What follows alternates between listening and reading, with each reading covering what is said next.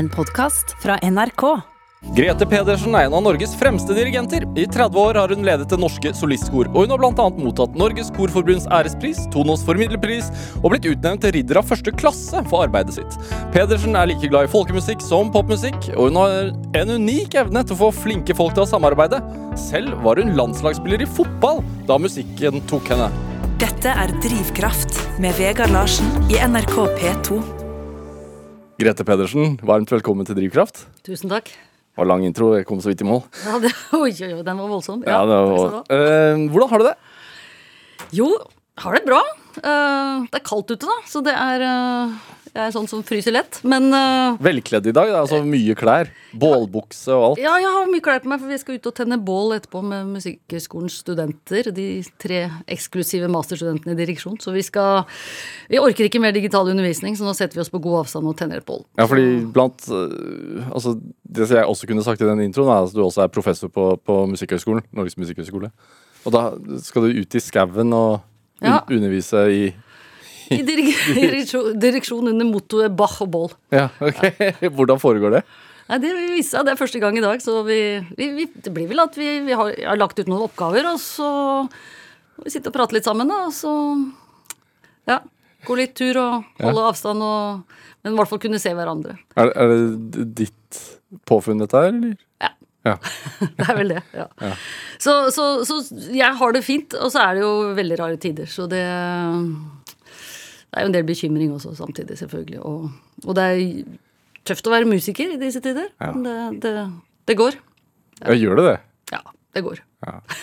I hvert fall for, for mitt vedkommende. Og så er det selvfølgelig veldig mange som, eh, som sliter i bransjen. Og det er, eh, det er mye, mye, mye som er jobbig. Og mange festivalarrangører og utøvere som, som har det veldig tøft. Så jeg håper eh, at folk klarer å holde det gående, så vi ikke mister en masse dyktige frilansmusikere underveis. Hvordan er det å synge Altså, Hvor viktig er det at man står nært når man synger i kor? Ja, og stå Nei, det Altså, jeg og de som faktisk har likt å ha litt avstand på Så, så sånn sett så har solistkoret øvd seg på akkurat den her koronaavstanden ganske lenge. Ja, så de har Har ofte likt Jeg har ofte sagt at minimum én meter radius er den beste lyden. ja. Så, så men, men det er klart at liksom hele Hvorfor er det sånn? Jeg vet ikke, Det er et eller annet akustisk fenomen som skjer. Som, som ikke helt, Det fins et studie på det, faktisk. I, nede i en fyr i Stuttgart som lagde en studie på hvordan på, på akustisk musikk. Hvordan få mest mulig liksom, Klang? Ja, eller klang overtoner. Og da fant han ut at én meter avstand både mellom instrument og sangere, det, det, det, det var ganske optimalt. Så ja. Synger man bedre, tror du, òg, hvis man ikke liksom ja altså merker armen til Ja, ja. Nei, altså det, det kan være begge deler. Det er litt avhengig av rommet. Hvis det er kjempetørt i rommet, så er det bedre å stå tett. Eh, og litt avhengig av hva slags musikk man skal gjøre. Men, uh, men det er greit å ha litt plass, ikke sant. Ja. Ja. Du bor i båt? ja, der er det ikke så mye plass, da. Nei, det, Nei, det kan sies. Eh, angående plass? Nei, jeg bor eh, stort sett eh, ja, en halvparten av tida cirka, eller sånn, ja, litt over det. Eh, så jeg har båten som en sånn slags pendlerbolig nede på Aker Brygge eh, på, på vinteren, og så har jeg en rundt omkring på, på sommeren. Hvor svær er den, da? Er noen og 30 fot. Så jeg har liksom lært meg båtlivet sånn etter hvert de siste fem-seks åra. Um, bare kjøpt meg litt opp i båt i båtstørrelse, og syns det er fryktelig morsomt å lære noe nytt. Altså. Og, og elsker å være på sjøen. Det er bare en sånn lise. Hvordan finner man ut at man skal bo i båt? Jeg vet ikke. Altså, jeg, jeg tror jeg har hatt det siden jeg var liten, at det, det syns jeg så eksotisk ut. Og så er det jo selvfølgelig eh, Det er liksom en slags drøm som jeg hadde, da. Eh, og så er det jo også en slags virkelighet i det, som er at det er kjempekaldt på brygga når man kommer gående ned og Men det er fryktelig fort gjort å varme opp en båt, f.eks. på vinteren. Altså, det er jo gjort på null komma niks å få den varm. Når man har landstrøm og sånne ting. Ah. Så jeg bare liker det. Hvorfor var det en drøm, tror du? Det er, det er ikke så godt å si, altså. Um, men jeg har jo vokst opp, vokst opp ved sjøen, så, så jeg har alltid vært eh, Moss? Ja, Moss, Jeløya. Så jeg har alltid vært på en måte tiltrukket av, av vannet som element. Så det, det er et eller annet der. Ja, Så har- fikk vi ikke lov til å ha båt når jeg var liten, så det er kanskje en sånn derre Yes! Nå Har, har du våknet opp i båten i dag? I dag har jeg ikke våknet opp i båten. I dag, jeg har nemlig vært ute og Jeg skulle hente alt det der tøyet til bål og noe ski og noe greier, så nå måtte jeg ut. Men hvordan er det, det er sånn som nå i, i, i Oslo, så er det jo ti, ned mot ti minus om dagen. Hvordan er det da å våkne opp og, og i båten? Hva, hvor, når våkner man? Ja, Det avhenger av når man legger seg. Men, eh, og hva man skal. Um, Når legger du deg vanligvis? Nei, jeg er jo en litt sånn sein eh, Jeg liker jo å være seint i seng, så jeg trives veldig godt på nattestid. Um, men uh, det kan jo selvfølgelig være litt Men jeg har varmt tøy, jeg har varmt, varm dyne. Altså det er eh, Nei, det er fint nedi der, altså. Det liker meg godt. Er det Jeg har liksom en idé om at når man velger å bo i båt, så er det litt sånn Man ønsker å være litt sånn fristilt og overfor samfunnet. Man har få eiendeler, det er lite plass, men den plassen man trenger.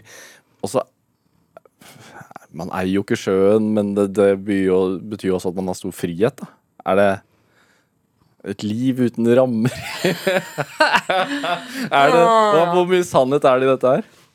Nei, altså Det er i hvert fall ikke et, eh, altså, et liv uten rammer fordi at denne her båten skal jo vedlikeholdes og tas hånd om og Det var romantikken jeg kom med. Ja, ja, ja, det Ja. var nydelig. Det hørtes veldig fint ut. Uh, virkeligheten er vel kanskje litt annerledes. At det er liksom viktig å passe på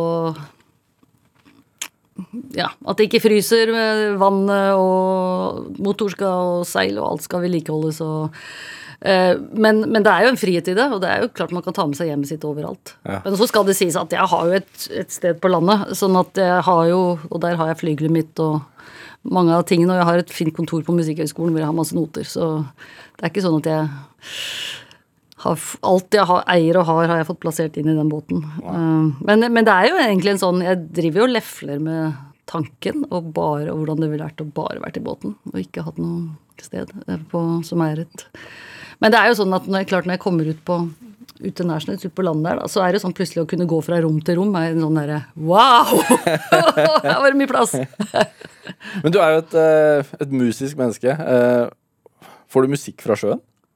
Ja, det er masse fin lyd i sjøen. Å, kjære vene. Bare tenk deg den lyden av sånn tang og, og de der slake bølgene som så vidt liksom treffer, treffer inn på stranda, og det derre vakre smålydene. Alt, og, eller en elv eller en bekk eller en foss, eller når det liksom virkelig drar til med st- stormen.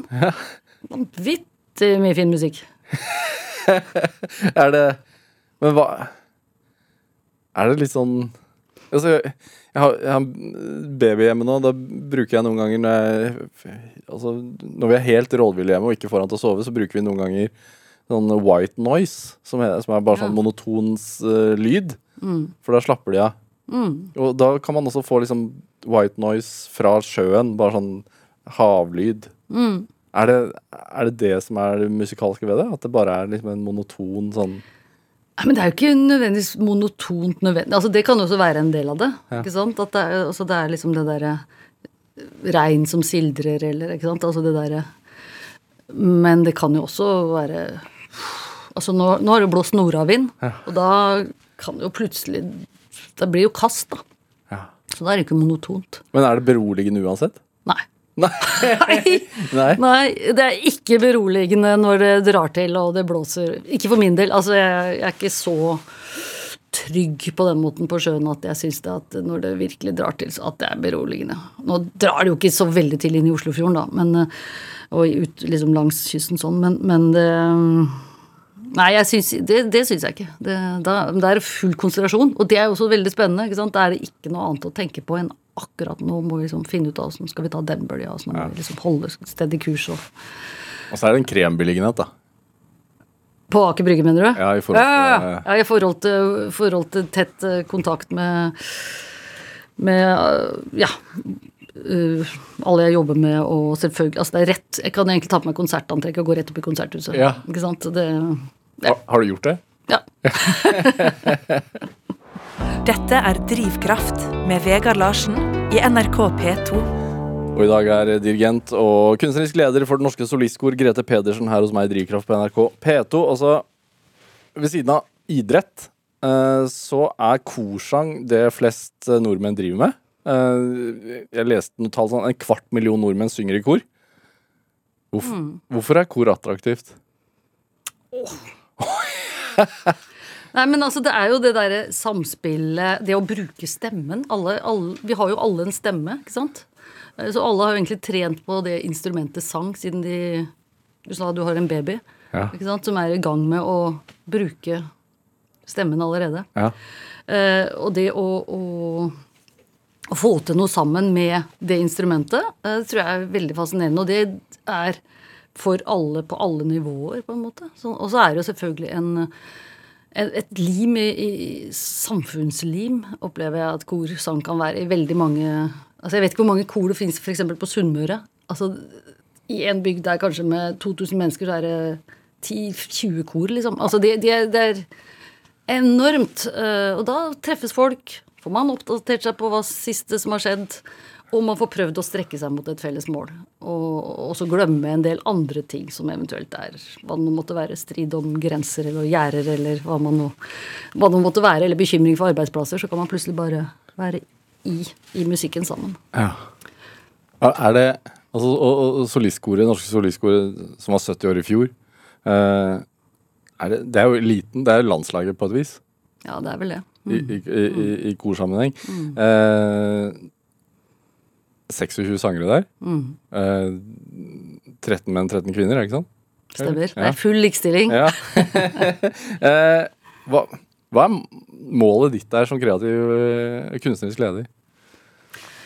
Eh, målet med solistkoret er veldig definert i at vi skal være eh, et eliteensemble eh, med på en måte de høyeste Være bare så utrolig gode vi kan, og så ha de liksom de, de høyeste forventningene og øh, kravene til å framføre musikk skrevet for kor. Øh, at det skal være en arbeidsplass for, for de sangerne som er der. Hvor vanskelig er det å komme, komme med på landslaget i kor? Nei, men det er jo sånn eh, når vi har prøvesang, så er det fort 100 stykker som søker, som er interessert i å, å være med. Og da søker du ikke bare fra Norge, men fra stort sett fra hele Europa. Ja, vi har med en sanger fra Canada, eh, som nå riktignok har flytta til Europa, da. Altså, så, så, så Men jobber også for at vi skal ha i hvert fall stor andel norske sangere. Det er viktig også at vi har det.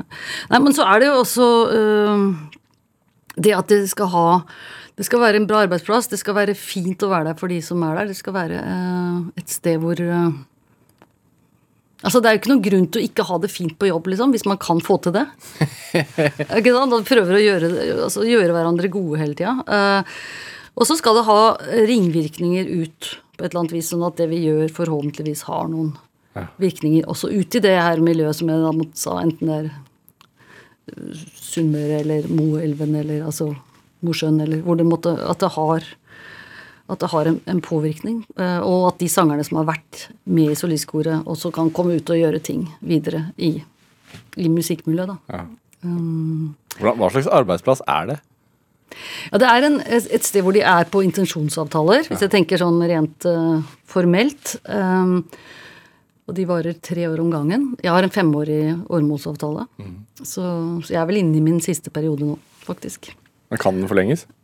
Ja da, den har vært forlenga mange Ja, ganger. ja. Men uh, får vi, jeg tror, uh, tror det nærmer seg et eller annet. Uh, 24-25. Eh, men da skal jeg finne på noe annet gøy. Det får jeg si. Men, men altså, solistkoret er eh, en arbeidsplass hvor jeg, altså, det er masse gode kollegaer som er ute og synger solo og gjør ting rundt omkring. Så treffes de. Og så er det den gleden over det kollegafellesskapet og det å kunne yte på sitt aller beste, forhåpentligvis strekke seg enda litt lenger. Eh, vite at det er en plass hvor de også kan være trygge på den måten at de er De er valgt ut. Og så er det jo hele tiden eh, Hvordan kan vi få det hvordan kan vi få det best? Og der har jeg jo en del sånne tanker om eh, ja, altså som jeg holder veldig på, at det er lov å feile, f.eks. Jeg ser at det er ganske forskjell Jeg er ute, mye ute og gjestedirigerer rundt omkring. Tyske radiokor, øh, ja, forskjellige steder. Altså England, Frankrike. Og ser jo at øh, tradisjonen og kulturen er litt annerledes andre steder. Men jeg holder veldig Ledelseskultur, rett og slett? Ja, ledelse, ja, og selvfølgelig ikke sant, og hvordan hierarkiet er bygd opp, og eh, redselen for å gjøre feil kanskje er, er større. Jeg, jeg dyrker litt den skandinaviske modellen med ganske lavt hierarki, at vi er medmusikere. Eh, Min oppgave er å lede det og samle det, og selvfølgelig at jeg har intensjoner på som, hva som skal gjennom. Eh, Men, men at det er Jeg er veldig interessert i å høre hva hva, hva, hva musikerne har lyst til å komme med, liksom. Eh, og det, det overrasker nok litt en del når jeg er ute og gjestedirigerer, for da tror de at jeg er usikker. Men det går ikke på at jeg ikke vet på en måte hva jeg vil, men jeg har lyst til å høre hva de kan komme med. Hva, hva, hva er sånn rent hva, hva er rent faktisk din liksom, oppgave, da? Min oppgave er uh, finne repertoar. Ja. Uh, sette sammen konsertprogrammer. Uh, personalet. Holde, liksom, sørge for at følge med at folk er i farta, er i up to shape. Gi beskjeder hvis det, ting ikke er bra. Gi beskjeder når ting er bra. Og så er det selvfølgelig lede prøver og dirigere. Men di selve dirigeringen er kanskje bare 5% av det. Hvis du skjønner? Ja. uh, og, da, og da er det jo, når man dirigerer, så er det jo å gi de signalene og input som trengs for at det skal løfte seg enda mer musikalsk, da. Og der er det lov å gjøre feil. Ja, der er det jo lov å gjøre feil, og det er lov å gjøre feil på prøver. Det er mye bedre med ordentlig tydelig feil, eh, som er at man står for det, liksom, og så kan man justere. Og jeg tenker også at en konsert er en prøve til neste konsert igjen. Hva, at, hva er en Unnskyld at jeg stiller dumme spørsmål, altså, men hva, For jeg har aldri sunget i kor. hva er hva er, en, hva, hva er feil? Ja, nettopp. Nei, det er ikke noe dumt spørsmål. Feil kan være at man starter litt før de andre. Ja. Eh, Det kan være at man synger feil tone. Det kan være at man synger feil tekst. At man eh, er litt for høy eller litt for lav. Det er spesielt med sang at du har ikke så På et instrument så har du klaffer.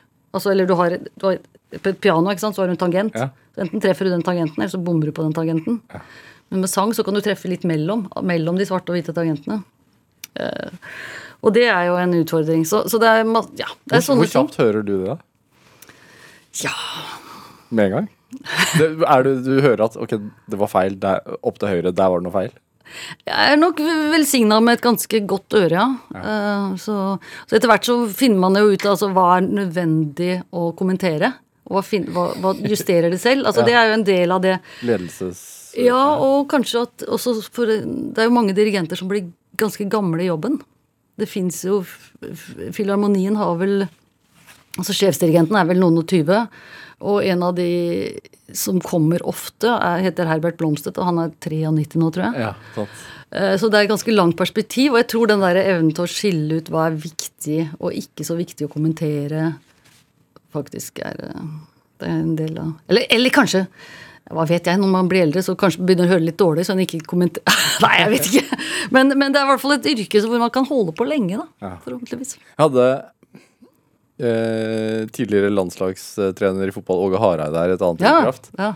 Og snakket jo om det, hvordan gjøre laget best mulig. Og, og siden jeg allerede har liksom trukket fotball inn i dette her, som Mm. jeg gjerne gjør når jeg ikke aner hvordan ting funker, så eh, fins det liksom Fins det Ronaldoer og sånne ting i koret også? Ja, ja, ja. Ja, det gjør det. Ja, ja, ja, det fins Ronaldoer og Messier og Zlataner og Martin Ødegaarder og Ja. Um, ja, ja. Altså, du kan ta egentlig alle sånne typer fra, fra liksom de derre Og en Haaland, ikke sant. Det Ja. derre ekstreme som klarer å ta øh, få, få den i kassa da, når det virkelig gjelder, til liksom de derre forsvarsspillerne. Til de som er limet, som sørger for at alle de andre blir gode. Som alltid leverer pasningen akkurat så bra at, at medspilleren blir veldig god, ikke sant? Istedenfor Ja. å sende pasningen akkurat ja. i riktig fart, uh, riktig sted. Og det, sånn, sånn fins det akkurat samme typene Ja. Og det fins jo, altså, jo helt sikkert her i NRK ikke sant? at Ja. man har de derre typegalleri, eller hva vi skal kalle det. Ja, sant. Er det, og da er det din jobb da å få, få dette laget til å fungere best mulig sammen, da, antar jeg. Men er, vi, vi må høre litt hva vi snakker om. Ja, eh, skal ikke bare prate om musikk. Eh, vi skal høre noe fra Festspillene i Bergen. Eh, Johannes Person av Bach. Ja, vi skal ikke høre hele, for den tar et par timer. Ja, det, Eh, Så det da, halvannen det time. har vært, da det har vært en enkel sending, eh, Ja. dette her. Bach er en viktig, viktig Han er vel kanskje Altså jeg hørte noe musikk av Bach, og da tenkte jeg at uh, dette må jo framføres. Og så, og så skjønte jeg at da må jeg jo lede det. Så da må jeg kanskje dirigere. Å ja, må jeg dirigere? Ja, ok, da. Da, da får vi gjøre det. Så Bach er en sånn viktig Hva heter det? Merkestein i, i livet mitt. Hva, hva gjør du spesielt i dette stykket? Altså, ja, jeg dirigerer uh, ja, kan, vi, kan, orkester. kan vi høre at du har din, ditt fingeravtrykk på det, tror du? Ja, kanskje litt på det at, at jeg liker når ting gruver litt, og at det er mye bass, at det er mye trøkk i bånn, liksom. Det er sånn jeg liker fra Ja, da hører vi etter gro groovet.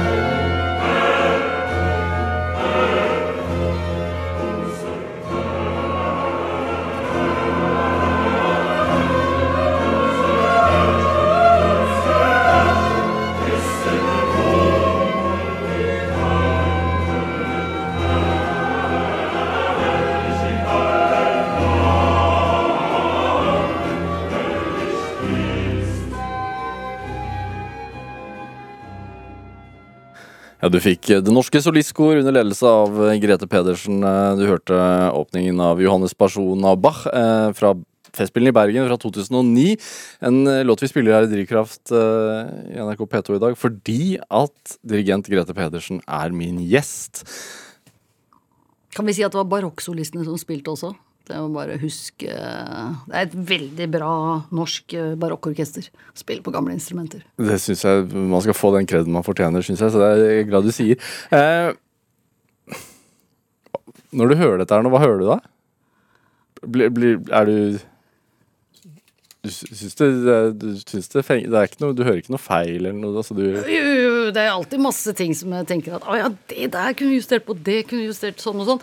Men, men først og fremst så hører jeg et, et veldig bra stykke musikk. Og så syns det er en veldig flott komposisjon. Og, det, og, det, og så er det starten på et verk som jeg vet varer i da nærmere to timer. Ja. Eh, Så, så, så det at det setter liksom Det er akkurat som å sette noen du vet Når du skal sette opp et telt, så setter du en plugg ned i bakken for å få opp øh, ja, Ja. for å få det plassert. Og det er liksom akkurat det der anslaget i starten av, av stykket.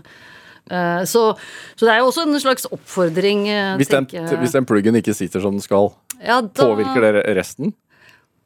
Ja, det gjør det, men det, det er, i og med at det er såpass langt strekk, da, så har man jo en mulighet til å hente seg inn og justere. Kan jo gå tilbake og slå, liksom, fikse litt. eh, men det er fint å ha anslaget i orden. Det er klart det er, det er bra, det. Um, men det er, det er ikke så dumt, å, å, særlig i vår tid med mye distraksjon, å fordype seg litt i musikk som varer litt. Um, Hvorfor det?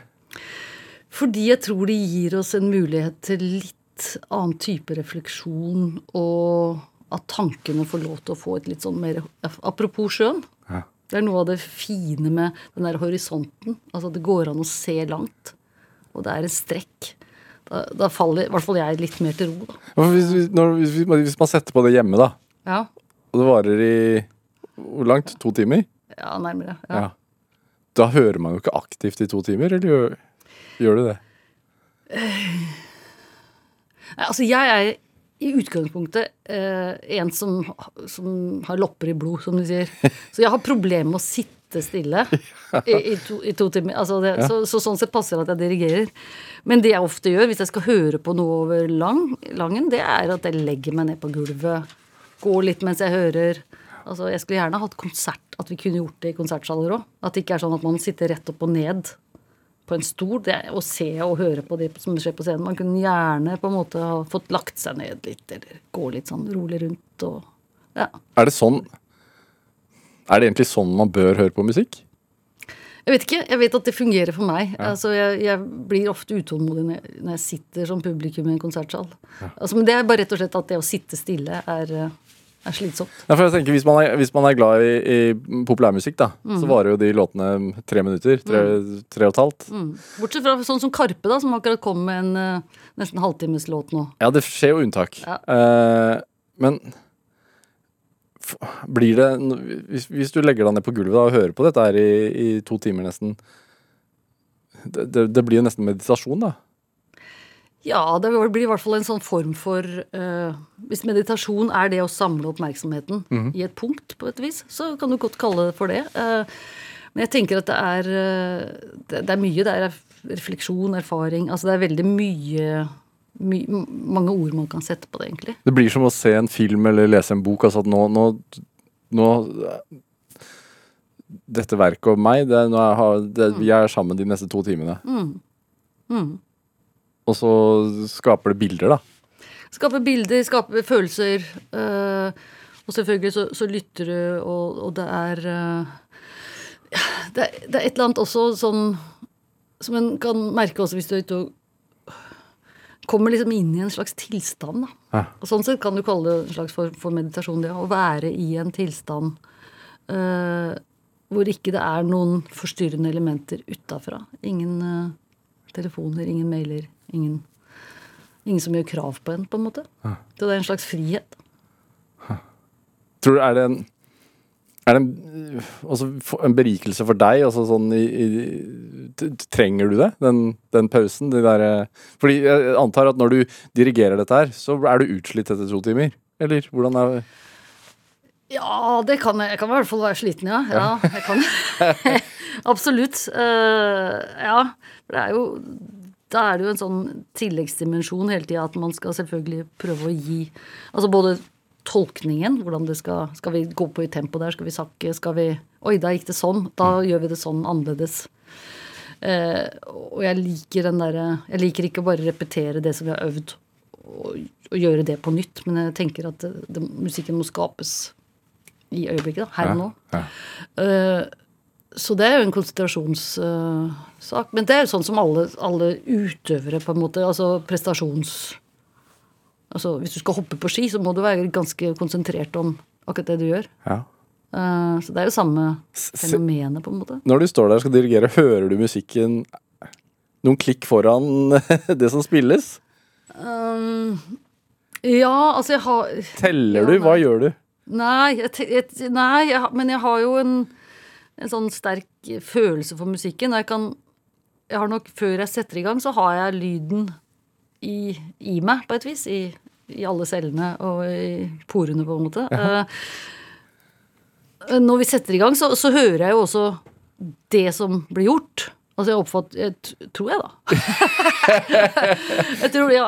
Og samtidig så skal jeg jo lede det, så jeg kan jo ikke bli stående fast i det som jeg hører akkurat i øyeblikket. Jeg må jo drive det videre. Ja. Ikke sant? Sånn at det er jo en sånn fare som dirigent kan gå i. At man, står, at man øh, suger for mye på karamellen, liksom. Bare koser seg med det som er der.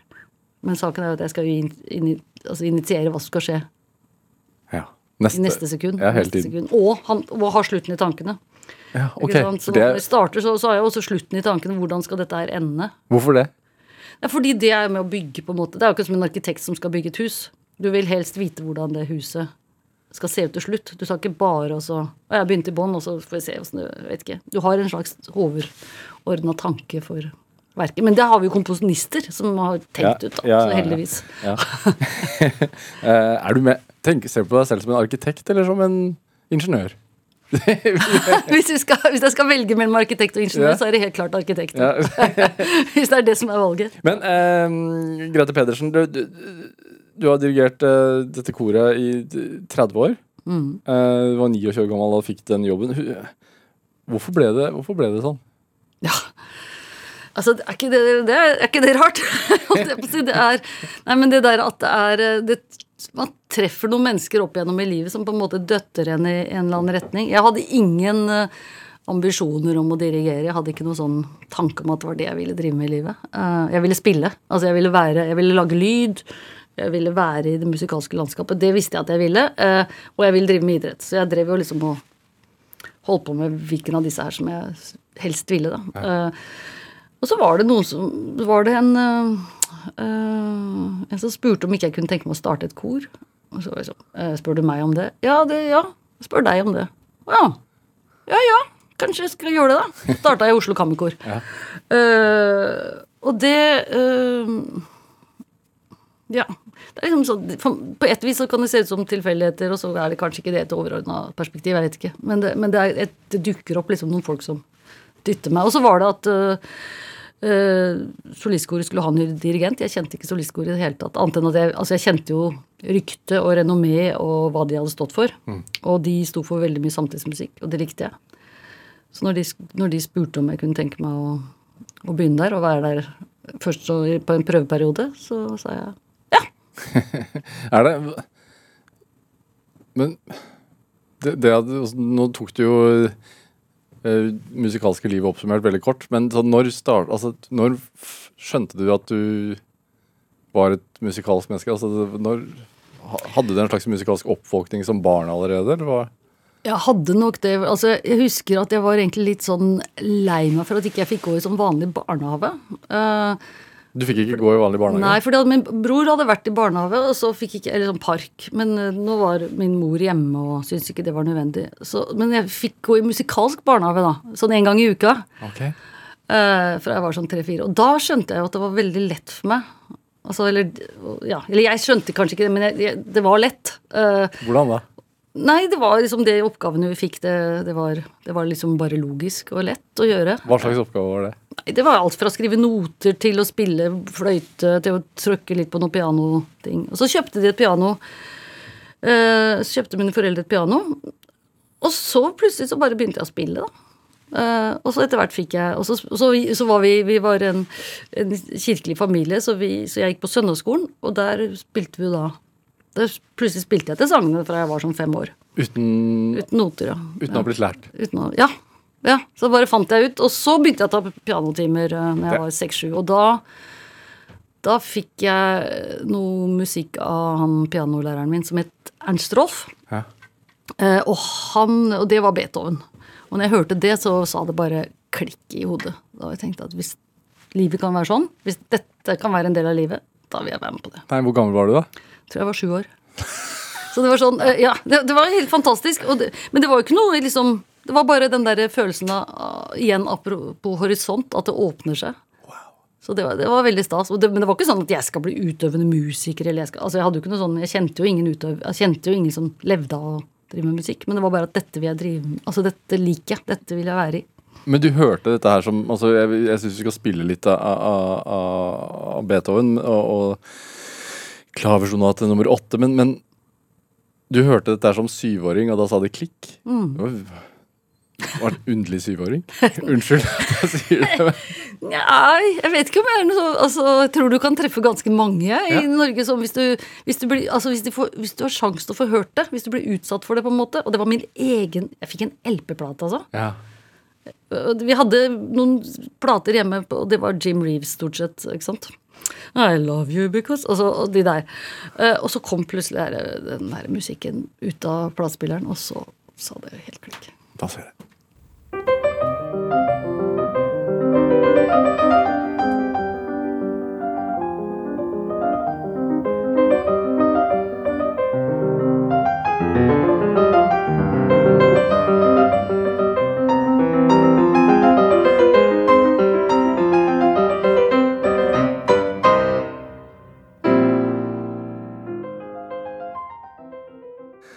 Ja, du fikk litt av uh, Ludvig van Beethovens klaversonate nummer åtte.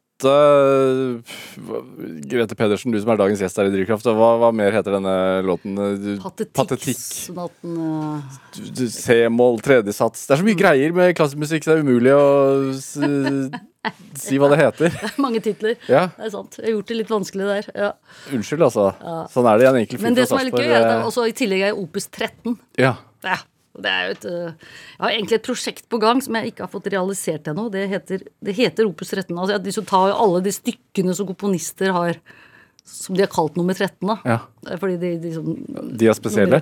Nei, jeg vet ikke. Altså, jeg har bare lyst til å undersøke det. Så han tar øh, Jeg vet om noen sånne som er Opus 13, F.eks. Ja. en komponist som heter Schönberg, som skrev 'Fridaf Ereden', et fantastisk verk. Som handler om fred på jord, da. Som også er Nummer Opus 13. Ja.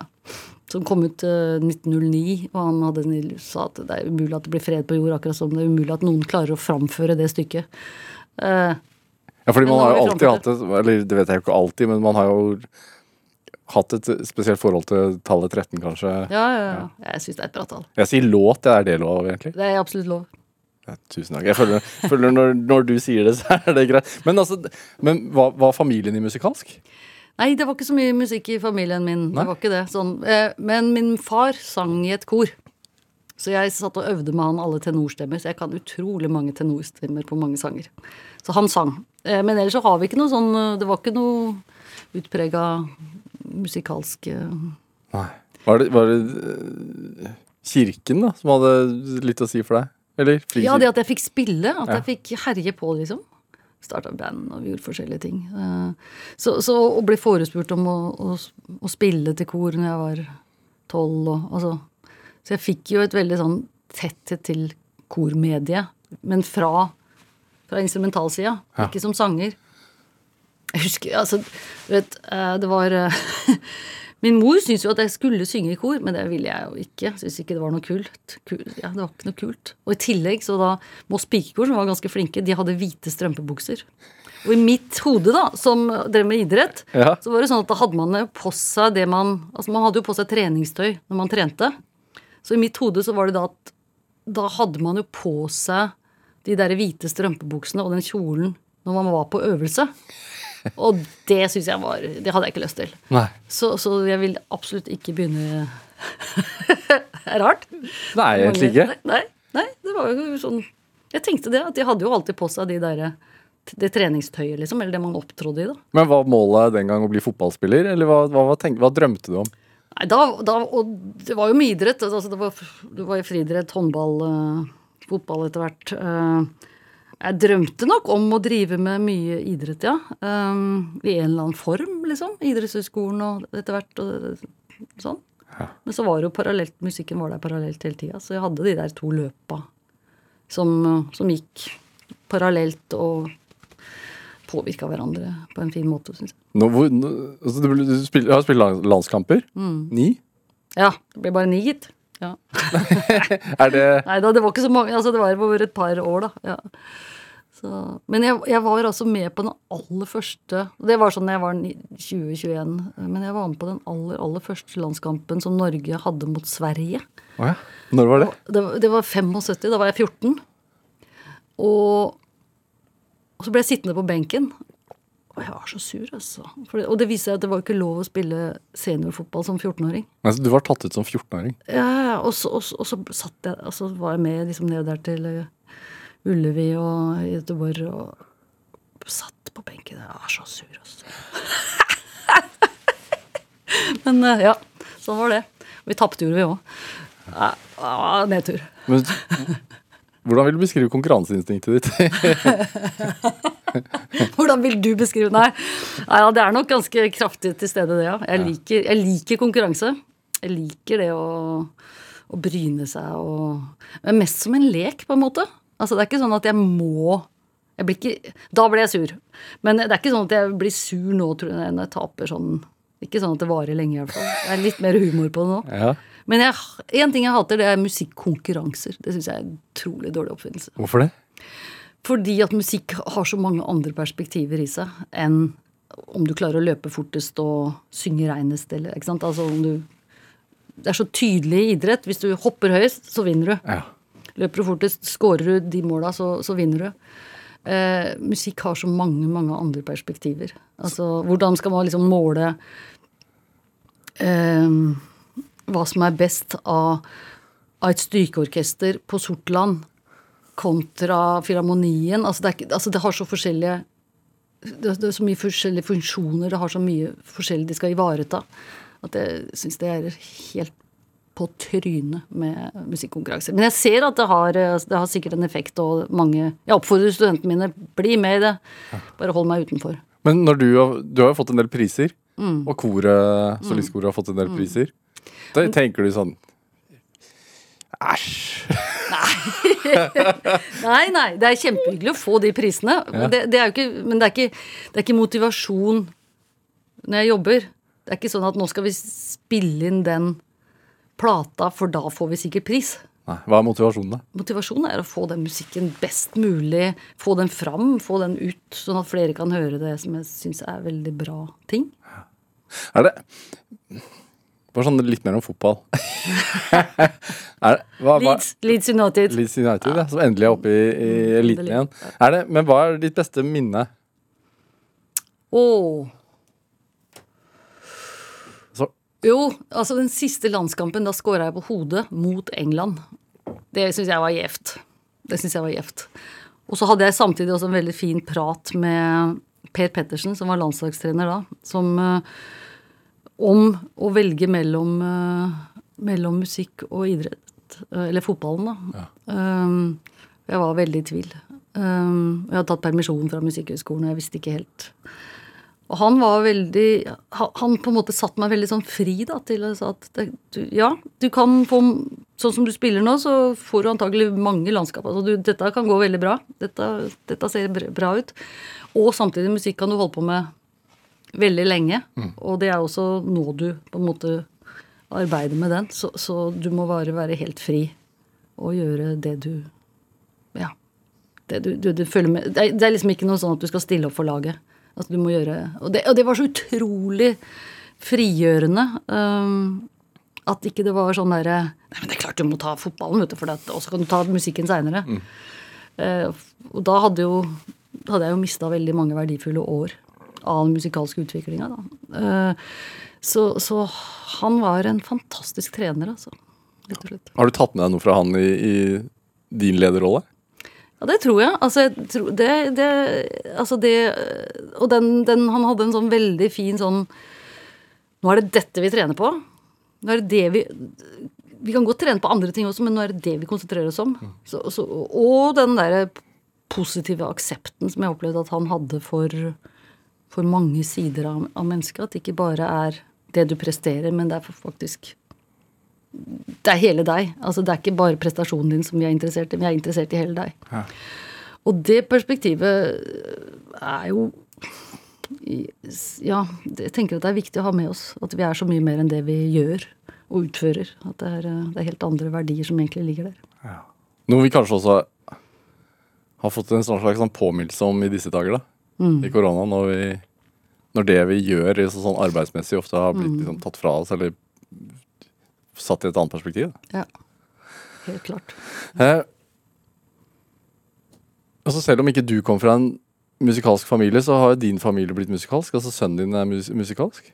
Ja, stemmer det. Ja. Ja, han, eh, han gjør veldig mange fine ting, og vi så jobber eh, Altså er eh, trommeslager, da, og også produsent. Eh, og jeg har lært veldig mye av han, altså. Og mye av, av den verden han jobber i. eh, som, som er veldig spennende. Og vi har masse morsomme prater og diskuterer og kan eh, hjelpe hverandre litt. Og, ja, det er veldig gøy. Hva har du lært deg? Um, han er Altså lydbilder. Altså sånne derre former og lyd, lydskulpturer som jeg syns han er utrolig god til å få til. Eh, og selvfølgelig også en del sånne rent sånn tekniske ting som de kan finne på nå. Eh, og så apropos gruve, så det der med å få det til å To, to, to. jeg, vet ikke, vet ikke om jeg skal bruke ordet svinge, men det er eh, ja, altså få, rytmen til å sitte, da. Ja. Han, Eivind Helgerud, som heter, som har produsert musikk til eh, Emilie Nicolas, Bendik Cezinando, for å nevne noen. Eh, Er det arvelig, tror du? Musikalitet? Oi, det må du spørre Spør, Spørre han om. ja, spørre han om. Ja. De som jobber med den slags. Men jeg tror jo det, altså, det å bli utsatt for uh, ting fra du er ganske liten, vil, uh, vil påvirke det. Eh, så håper jeg at han har tatt sine egne valg på det han vil drive med. Det tror jeg han har. Ja. Eh, men eh, ja. Jeg vet ikke. Altså, jeg hørte jo ikke så mye når jeg var liten, så jeg, jeg vet ikke. Du er glad i popmusikk? Ja, jeg syns det er veldig mye morsomt eh, som, eh, som, som skjer. Og det har jo Eivind også hjulpet med meg å liksom, å fortelle meg. Og nå, ja, nå jobber vi med det, hva syns du om det? Og, Ja. Så, så, så jeg syns det, eh, det er fryktelig mye bra som skjer på den scenen. Og den måten de jobber seriøst på med å virkelig bruke tid på å utvikle ting. Og hva de får til på konsert. Den siste konserten jeg var på før det stengte ned, var en konsert med Cezinando. Eh, Det er på Sentrum Scene. Det er noe av det råeste jeg har sett, altså. Og hørt. Og, vi skal høre litt av Cezinando. Skal høre Christopher Robin. Hvorfor det? Ja, det er, en, det er en låt som ikke er så typisk Cezinando, på en måte. På den er sånn litt uh, Jo, det skal jeg ikke si, men, men det er jo en ganske oppløftende låt. Eh, spennende med han er jo i tillegg til tekstmaterialet han lager, og hvordan han klarer å, å framføre låtene, så er det også at han, han har jo dansen eh, fra han var liten. Jobba, sang, eller altså var danser på, på Norsk Opera. Fra han liten, så, han, så han klarer liksom å få et sånn der slags helhetskonsept ut av det. La oss høre litt. Da.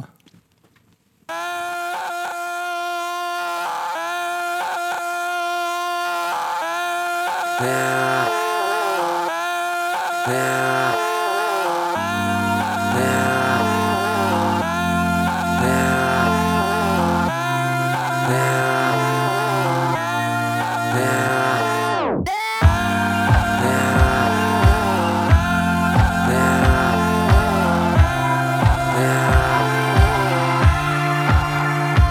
blinker i en lommelykt nede ved porten, og jeg blinker med min. Jeg skulle gjerne hatt en hånd å holde i når jeg skal møte Elvis. Yeah. En med en like dårlig det som meg, og enda rødere kinn. En som skal dit jeg skal, som ikke har noe valg. Fy faen, det ønsker jeg meg veldig. Jeg hvisker noen ord jeg aldri kan eie. Jeg er fanget av en vinner er alene med å seile. Jeg er på av stupetårnet, stirrer gjennom vannet. Jeg kan se helt ned til bunnen. Alle trærne var blitt nakne, nå kommer det snø snart. Det var høsten 94, og storkene fløy lavt. Og den ene av de stupte ned mot taket og bygde rede. Gidder ikke å flytte syd. Jeg har en sang til deg for hver dråpe i havet, hvert tre i skogen, hver sky på himmelen, hver light på kommoden, hver fake orkidé på et hotell i resepsjonen. Det er mørkt, og jeg har mista magneten til kompasset. Hvert strå på åkeren, hver grav på lønnen. hver lille pose, hver million til munnen. Ok, hvert skip på sjøen og alle vrakene på bunnen. Jeg er fanget i et hjørne av en godterikiosk, i et edderkoppspinn. Jeg må finne meg en ånd i lampe før det er meg som møter Elvis. Aha. Ja, du fikk litt av uh, Cezinandos Christoffer Robin her i Drivkraft på NRK P2. En låt valgt av dagens gjest eh, her i Drivkraft, nemlig professor på Norges musikkhøgskole, Grete Pedersen. Eh, når du hører dette her Altså, jeg er veldig filminteressert. Eh, film er liksom min greie, eh, hvis man skal velge en kunstart. Uh, så når jeg ser en, en film i dag, så kan jeg tenke at ja, den filmen har, fått inspirasjon derfra. Den, den scene der som minner om den scenen fra den filmen fra 70-tallet og sånne ting. Uh, når du hører dette her, så, så hører du Luciano Berio, du. Ja, blant annet. Ja. Ja? Hvor, hva, hva, hvorfor det? Nei, jeg tenker at det er noe av det samme lydlandskapet, samme måte å skulpturere klang på. øh, leke med øh, Ja, på en måte god, pene og såkalt stygge lyder. Altså at det dissonerer, at det, at det krasjer litt. Og så plutselig så kommer det noe som liksom bare legger seg helt til ro, og så er det lekenthet. øh, at, at det er veldig mye av de samme fenomenene som egentlig foregår, bare at det er et litt annet tonespråk. Ja. Er, gjør det det ekstra interessant for deg? Ja, jeg syns det er grådig spennende å se likheter. Hva, hva som er, og det, Enten det er på en måte det som har med å bygge team og relasjoner å gjøre, eller det er eh, rent musikalsk, eller det er Kall det film, da. Eh, altså ikke sant At man jobber med de forskjellige mediene og se Ja, men det er jo samme, egentlig. Det er samme byggesteinene. Det har bare fått en litt annen farve. Det, eh, dere spilte inn uh, koro med solistkoret i fjor? Ja. Men, nei, Forrige fjor, er det da? Ja, noe sånt noe. Ja. Eh, Det var KORK, KORK og solistkoret Ja, ja. sammen. Eh, Kjempesvært verk for eh, 84 musikere, som, hvor sangerne og koret sitter blanda på scenen. Sånn at alt, hele hierarkiet på en måte mellom kor og orkester og internt i orkesteret er tatt ned. Eh, og så har ber jo eh, tekster og, og, og liksom musikalske uttrykk fra, på en måte fra hele verden. Og så setter han dette her sammen i et sånn der stort, stort landskap som er Det er som du, du har en by, og så tar du av, tak, tar du av takene på alle husa, så ser du ned i husa. Han gjør ting som ikke er Ja, og så ser du alt det som foregår på likt der. på ja. måte. Hvorfor liker du han, da? Eh, Blant annet på grunn av akkurat det jeg nettopp sa. Og at, at det er at jeg føler hele tida at det, det er ikke alt jeg forstår her, så da må jeg liksom ja. Nei, jeg forstår det ikke, men jeg opplever et eller annet. Hva er det for noe? Altså, jeg, jeg blir nysgjerrig, da. Ja. Kanskje er det. Skal vi høre litt, da? Ja. Ja.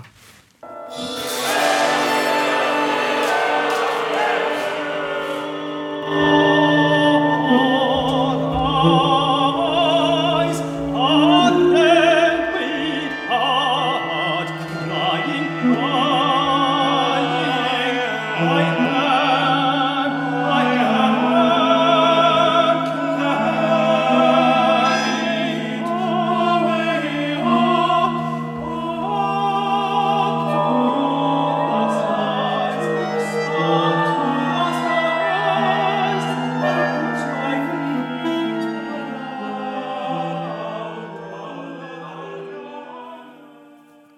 Grete Pedersen eh, var feil ut, Hadde vi tatt ut feil?